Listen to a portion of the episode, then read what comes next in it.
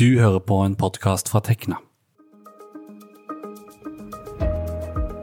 Har du noen spennende hobbyer du bruker mye tid på? En hobby du kanskje har lyst til å ha som en ekstrajobb, til og med? Har du sjekka med hovedarbeidsgiveren din om det er greit? Er det fritt fram å bruke fritida si på hva som helst?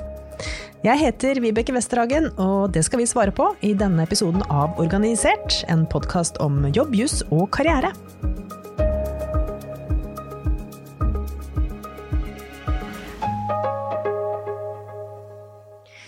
Hei, Arve Våle Hallberg, du er gjesten vår i dag. Du er advokat i Tekna, og så jobber du mye med arbeidsrett, og er her i dag for å snakke om hobbyjobb. Velkommen til deg. Takk for det, Vibeke, og hei til dere. Ja, hyggelig å ha deg tilbake igjen. Du har vært med oss før også. Alltid gøy.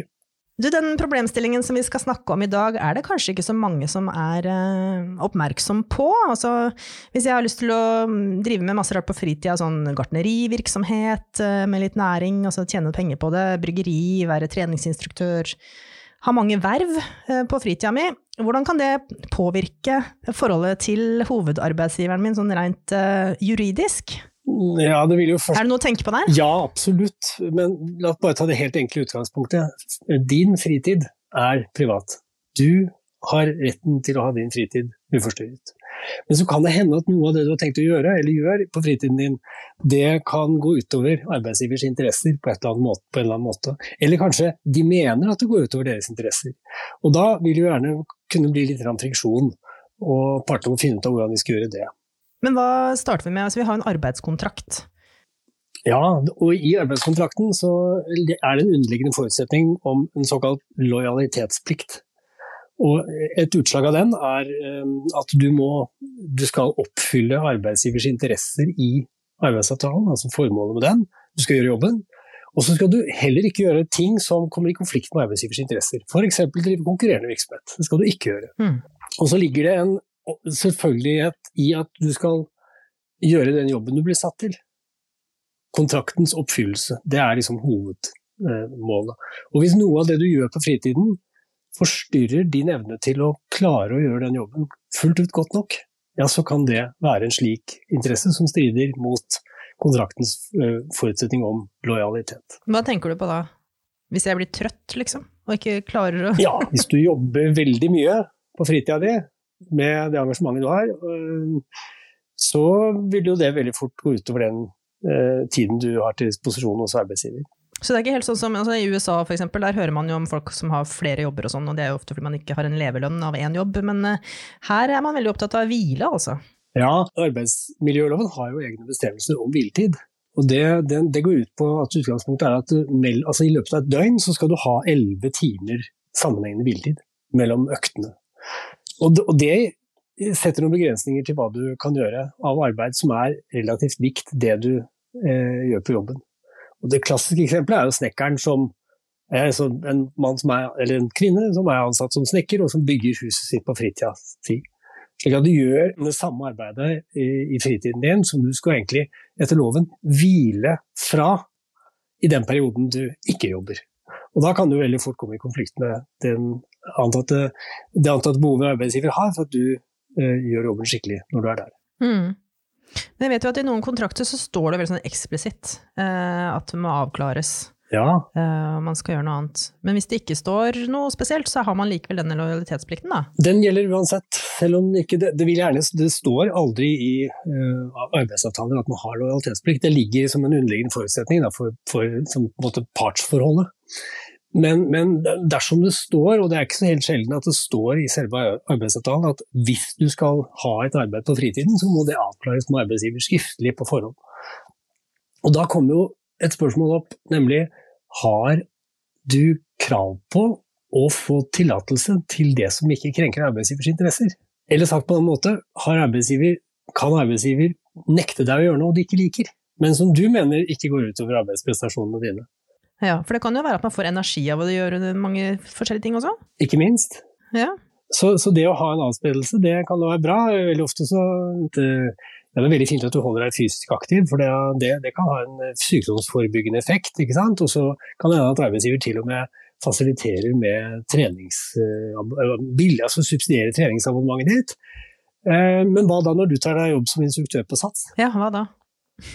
og jobber så mye på sats at du er egentlig helt sliten når du kommer på jobb dagen etter. Da har du jo bikka grensen for det som antageligvis er bra og sunt. Og, og da har du overoppfylt arbeidsgivers interesse at du holder deg fysisk aktiv, rett og slett fordi det underminerer deres forventninger om ja, ikke sant? Slitasje, Du kan få slitt, ja, du kan skade deg. Og det er jo en egen, egen, uh, egen sak i dette. Altså hvis, du, hvis du har en, en, fritidsaktivitet som gjør at du hele tiden går og er skada og ikke klarer å gjøre jobben, hvis det er et krav om at du skal være, ha liksom fysiske habiliteter, uh, pleie og omsorg må løfte, og du stadig vekk er skadet fordi du spiller håndball fem ganger i uken og kamp i helgene, i tillegg til treningen, og du er da, da, da, da, er det noen som ikke matcher arbeidsgivers behov for at du leverer normal kontraktsmessig når du er på jobb. Nei, man har jo mye også type frivillighetsarbeid, um, som ikke nødvendigvis er lønna, på en måte. Da. Du nevnte jo idrett og sånt her. Er det forskjell på, vil du si det er forskjell på om det er næring eller ikke? Nei. Om arbeidsgiver Nei, Nei. egentlig ikke. Nei. Uh, men, men, hvis det er næringsvirksomhet, så er det jo spørsmål om du er i nærheten av en næringsaktivitet som um, kan komme til å anses å være i konkurranse med arbeidsgivers. Uh, så hvis du, hvis du jobber som softwareutvikler på dagtid, og så jobber du som app-utvikler som du har sånn hobbyprosjekt gående på det på kveldstid. Og så kan det jo være vanskelig å skille ut om du har tatt med informasjon fra jobben og brukt den i applikasjonsutviklingen din. Slik at du får sånn grensedragningsproblematikk som gjør at det kan bli vanskelig, og at arbeidsgiver kanskje heller ønsker å være på den sikre siden og si nei til noe som egentlig ikke er konkurrerende eller i konflikt med din prestasjon og lojalitetsplikt. Mm. Så det er mange, mange små skjær å gå på her. Vi har jo en juridisk eh, avdeling som hjelper medlemmer til å løse opp i de problemene de måtte oppstå, eller gjerne før de oppstår. Og vi får en god del spørsmål om hva man kan gjøre i forkant før man går ut i elendigheten, skulle det være det man evner. Ja, men får du mye henvendelser på denne type saker? Ja, en god del faktisk. Men, eh, og det er gjerne i det, de som de som har en eller annen form for uh, biaktivitet som er faglig knyttet til noe av det samme som det de gjør på jobb. Ikke sant. Da det, kan det fort bli litt vanskelig. Ja, og det er innen digital mm. på eller annet, uh, en eller annen plattform. Så er det jo, um, du var litt inne på det, om det er lønnet eller ikke. Um, det at det ikke er lønnet kan ikke være et nødvendigvis et argument for at det skal være lov. Men, men du kunne hende at du var sykemeldt i den jobben du har, og så fortsetter du fritidsarbeidet. Og Det er jo en egen klasse. ikke sant? Det vil jo veldig fort arbeidsgiver reagere på. Altså, du, du, du, er ikke på jobb, men du verden hvor mye energi du har til å, til å holde omkring på å være verdens største oppmann i, i enten det er skolekorps eller idrettsforeninger. Ikke sant? Og Det er jo nesten en halvtidsjobb, og den, den har du ingen problemer med å håndtere. Og Det kan veldig fort gå utover arbeidsgivers oppfatning av at du gjør som du skal da, når du er sykemeldt. Nemlig bidra, plikt, altså bidra til å, altså aktivt til den rehabiliteringen som snarest mulig får deg ut av sykefraværet og inn i jobben igjen. For Det har du plikter etter loven. Og, og, der ligger det noe. På den annen side så kan jo nettopp det fritidsarbeidet være det som holder en i gang, og som gjør overgangen til arbeidet lettere å komme tilbake i rehabiliteringen. Mm. Uh, slik at hvis du, ja hvem avgjør det? Det blir en konkret vurdering, som mye annet her. Og jeg, jeg tenker at eh, Med utgangspunkt i dette med et mantra om at lediggang er roten til alt vondt, så kunne man godt tenke seg at det blir enda verre hvis du ikke skulle få lov å drive med dette fritidsarbeidet. Anbefalingen er at du har en diskusjon med arbeidsgiver om uh, slike tilfeller. Og lege, kanskje? Og at, ja, og, ja, ikke minst legens innspill, men, men får, en, uh, får en sånn konsensus om det, slik at det ikke blir det motsatte. For det, det er ille nok når man allerede er sykemeldt og føler seg litt sånn ubekvem med det, kanskje. Mange gjør det, dessverre. At man i tillegg skal ha den belastningen at man blir Eh, uglesett for det man gjør. Egentlig som er et eh, livskvalitetsoppholdende tiltak, som også har positiv innvirkning på rehabiliteringen. Etter arbeidstakers syn, da. Der vil det jo kanskje være litt forskjell. Men nå har vi snakka litt om jussen her og sånt nå, men kan det være at man holder på med ting på fritida som går liksom på tvers, sånn omdømmemessig? Altså sånn, hvis man har en rolle i bedriften som er ganske synlig, Kanskje man er selger, er mye utadvendt uh, stilling. Og så gjør man noe på fritida som også er veldig synlig. Kanskje man er politiker, eller så kan arbeidsgiver blande seg noe inn der? Nei, det, det er jo en interessant, uh, en interessant, sak til det med politisk arbeid. Det, I forhold til vår demokratitanke så skal nettopp det med å ha, kunne få nødvendig tid fristilt til å drive den type aktivitet. Vi kan også i og for seg inkludere tillitsvalgtsarbeid i den sammenhengen, men, men politisk er jo et uh, særskilt uh, område. fordi som tillitsvalgt så vil du gjerne uh, jobbe til beste for bedriften, i det lange løp i hvert fall. Men som politisk så skal du kunne være kritisk til de som styrer. Og Det kan jo bety at du kommer med, og det er jo helt lovlig, helt kontroversielle holdninger. Og, og dette skrives, skriver du om i aviser og andre sosiale medier. ikke sant? Og, og, det påvirker definitivt eh, altså, Det kan påvirke arbeidsgivers omdømme eh, hvis det man gjør i en slik eh, ytringssfære, eh, går klart på tvers av det bedriften predikerer ellers. Og Da blir det jo da blir det spørsmål om hvilken posisjon du har i denne bedriften. Hvis du er vaktmester og ikke har noe, ikke representerer ledelsen og ikke representerer bedriften i det hele tatt, så skal det ikke være noen begrensninger her i det hele tatt. Um, og, men hvis du er på litt høyere opp i pyramiden, da, um, så er det klart at hvis, hvis, den stillingen du har forutsetter at det er særskilt tillit til, til deg som person, eh, kanskje også signaleffekt overfor de ansatte, hva du står for der. Hvis du, hvis du, sier noe et sted og sier noe helt annet et annet sted, så kan det bli konfliktfullt. Eh, slik at Hvis arbeidsgivers anseelse, enten i kraft av å være arbeidsgiver eller som markedsaktør, eller der de eh, har sin på en måte eh, Der omdømmet deres har en betydning, da, blir, blir, svekket eller krenket gjennom det du gjør, så kan det komme eh, så kan det være galt. Men hvis vi er inne på det, arbeids, nei, unnskyld, arbeidstakers ytringsfrihet den er veldig høyt beskyttet. Slik at eh, vi må nok skille mellom det arbeidet du gjør kvantitativt, altså hvor mye du jobber f.eks. politisk i bystyret eh, eller kommunestyret, og, eh, og, den jobben du har, hvor man da legger opp til at du skal kunne ha et politisk verv på det nivået uten å behøve å være frikjøpt. Du, En annen ting, eh, verktøy. Altså, man sitter jo gjerne med en PC, mobiltelefon og sånn som ofte kan være betalt av hovedarbeidsgiver. Hvordan stiller det seg hvis man bruker disse verktøyene i hobbyjobbene sine? Uh, er det greit? Nei. la, oss, la, oss, ha det som et utgangspunkt. Nei. Og, og, ja, det vil sjelden være slik at arbeidsgiver sier nei hvis du spør. Også fordi at grensedragningen mellom eh, det utstyret arbeidsgiver har gitt deg, eh, og, og det du, du bruker eh, på fritiden, det har vi kanskje gått litt, sklidd litt over hverandre det siste året med covid.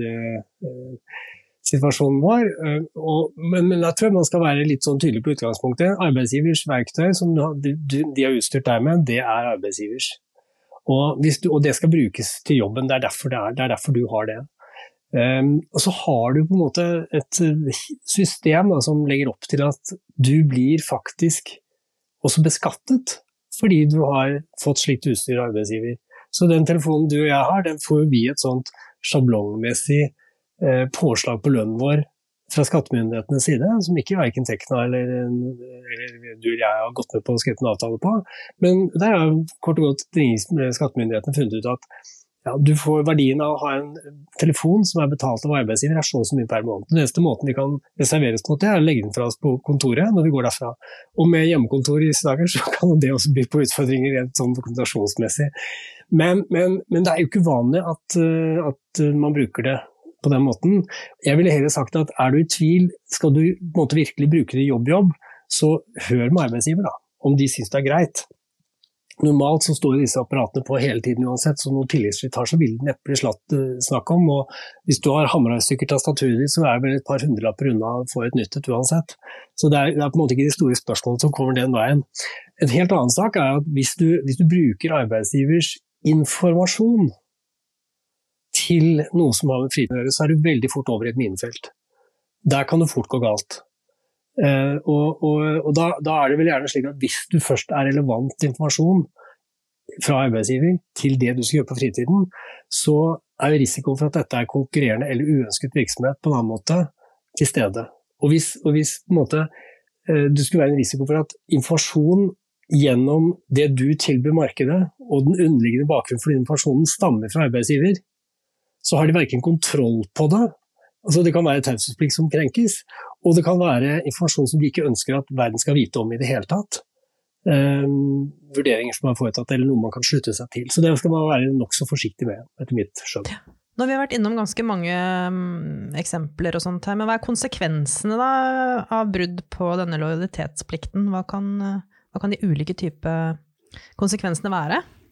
Ja, altså For det første så skal man jo være veldig, veldig varsom med å konstatere brudd på taushetsplikt. Eh, bare fordi at man har brutt en regel som arbeidsgiver har satt opp, enten i arbeidsavtalen eller i retningslinjen.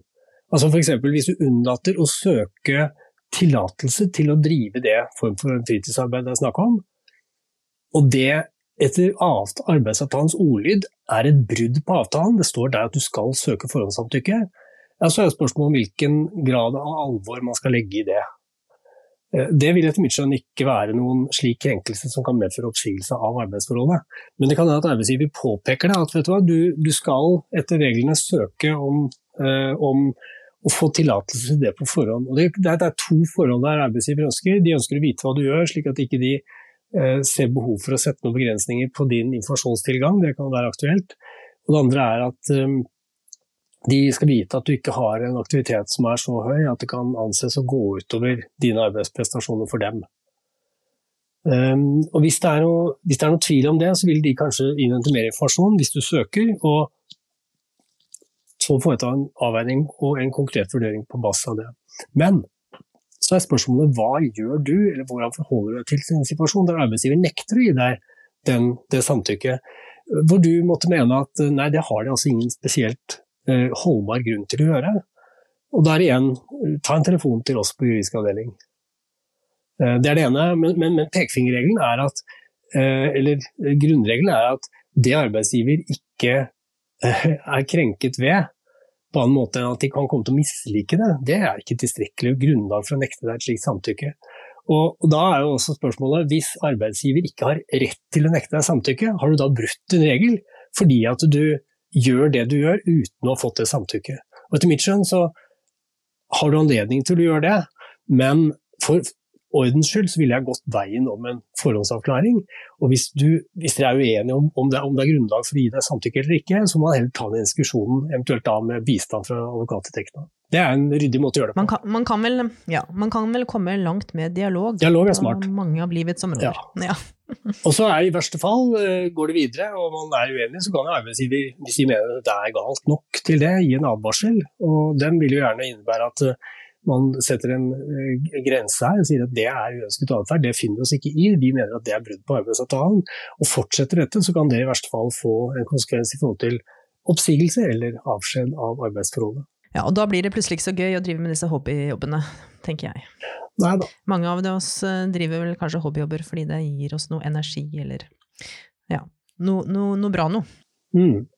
Men hvis vi, eh, du, Jeg vet ikke om vi skal inn på noe ytringsfrihet i dette, Brekke? For det er, ganske, det er et ganske spennende tema. altså. Ja, du, eh, vi snakka litt om det før sending, Arve, at du hadde litt lyst til å snakke om ytringsfrihet. Uh, ja. Hva kan altså arbeidsgiver legge seg opp i at du ytrer, enten det er sosiale medier eller i avisene eller hvordan det ligger an talerstolen i et eller annet, et eller annet parti, eller hvor du sier ting som arbeidsgiver har en mer eller mindre god grunn til å mene at du ikke bør eh, si, fordi blir, de blir identifisert med deg.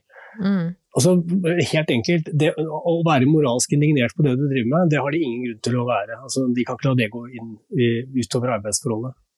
Men hvis du gjør noe som virkelig krenker deres interesser, så vil det kunne settes grenser. Og Der er utgangspunktet at uh, ytringer er jo grunnlovsbeskyttet. Altså Paragraf 100 i Grunnloven sier at du har ytringsfrihet. Og uh, Ytringsfriheten er også vernet i europeisk menneskerettighetskonvensjon. Uh, og um, måte i i denne sammenhengen så karakteriseres det som et helt essensielt fundament for et demokratisk samfunn og som en grunnleggende betingelse for samfunnets fremgang og den enkeltes selvrealisering, het det i en avgjørelse fra Menneskerettighetsdomstolen for noen år tilbake. Og Derfor sier de at det må etableres et overbevisende grunnlag for å foreta begrensninger i retten til ytringsfrihet. Og, den, og dette unntaket, at slike unntak altså, må praktiseres strengt. Og Det jeg vil gjerne fremheve i denne sammenheng her, det er at de avgjørelsene vi har i Norge og i og for seg i Europa, og eh, uttalelser fra vår sivilombudsmann eh, trekker nok grensen for hva arbeidsgiver ikke skal legge seg opp i, eh, langt høyere enn det arbeidsgivere jevnt over tenker at de kan legge seg opp i. Så, så varsko til alle arbeidsgivere som hører dette, før dere sanksjonerer eh, det dere mener er brudd på ytringsfrihet som krenker arbeidsforholdet og den lojalitetsforutsetningen. Eh, sjekk litt på nettet på rettspraksis hvordan det ligger an. Der er det mange interessante tilfeller, og det gjelder jo også dere andre som ikke er arbeidsgivere.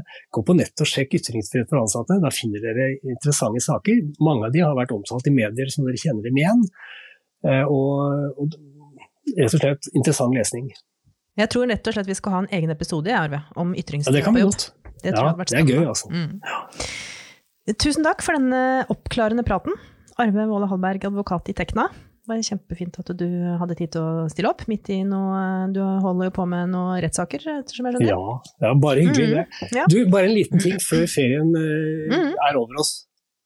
Eh, hva skal vi si, kan jeg jobbe med eh, kan jeg jobbe i ferien istedenfor å ha ferie? Ja, kan man det? Jeg vet jo at folk gjør det. Arbeidsgiver er jo nei, arbeidsgiver er jo pålagt å sørge for at jeg får ferie hvert år.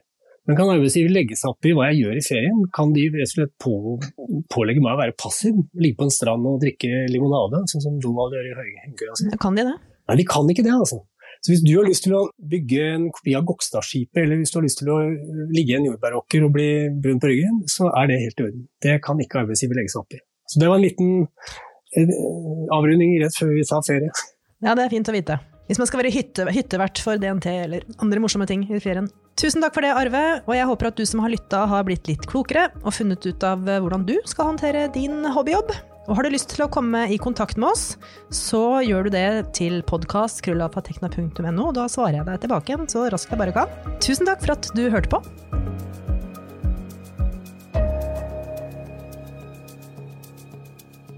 Dette har vært en podkast fra Tekna, en fagforening for deg med mastergrad i naturvitenskap, realfag eller teknologi. Les mer om oss på tekna.no. Programleder var Vibeke Westhagen. reporter Sondre Tallagsrud, og teknisk ansvarlig var meg, Andreas Kili Grenasberg.